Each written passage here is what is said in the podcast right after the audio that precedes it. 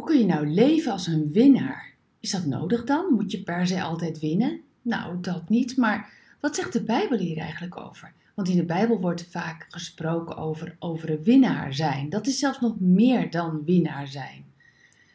Ik wil met je kijken naar, let op, Max Verstappen.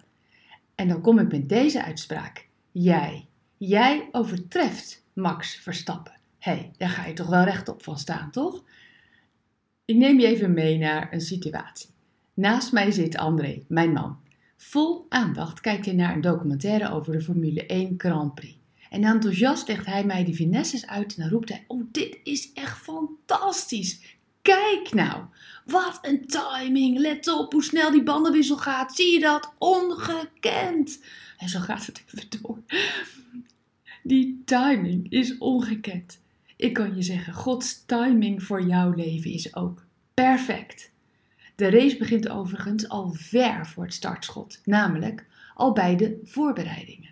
Nog even en ik zit op het puntje van mijn stoel en raak ook gefascineerd. Ja, Red Bull is goed hoor, maar Mercedes die scoort als een gek op dit moment. Oké, oké okay, André, I've got it.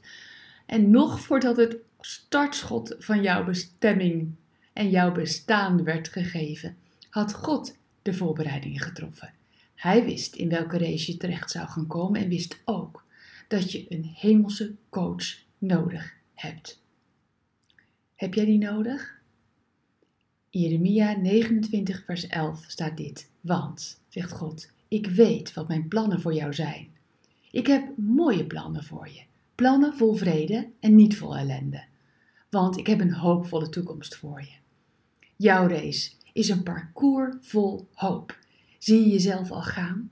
Zie je het al voor je hoe je de bocht pakt in de hobbels op de weg? Een parcours vol hoop, ondanks omstandigheden.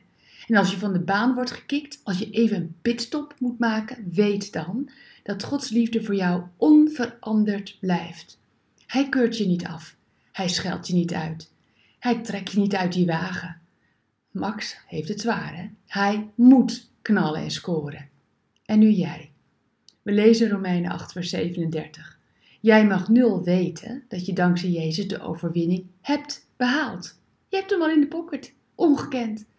Er staat, maar in alle moeilijkheden ben je meer dan overwinnaar, dankzij Hem die van je houdt. Jij bent meer dan overwinnaar. En mijn tip voor jou, leef vanuit die diepe overtuiging dat je meer dan een overwinnaar bent. Denk aan iets wat je moeilijk vindt op dit moment. Jij bent meer dan overwinnaar. Denk aan een angst die je hebt of iets waar je vreselijk tegenop ziet. Jij bent meer dan een overwinnaar. Amen. Bedankt voor het luisteren naar Ik Wonder Jou. Hebben de woorden je hart geraakt en de teksten je geïnspireerd? Gun ook anderen Ik Wonder Jou. Meld ze aan bij www.ikwonderjou.nl. Ik ben zo blij dat je bestaat.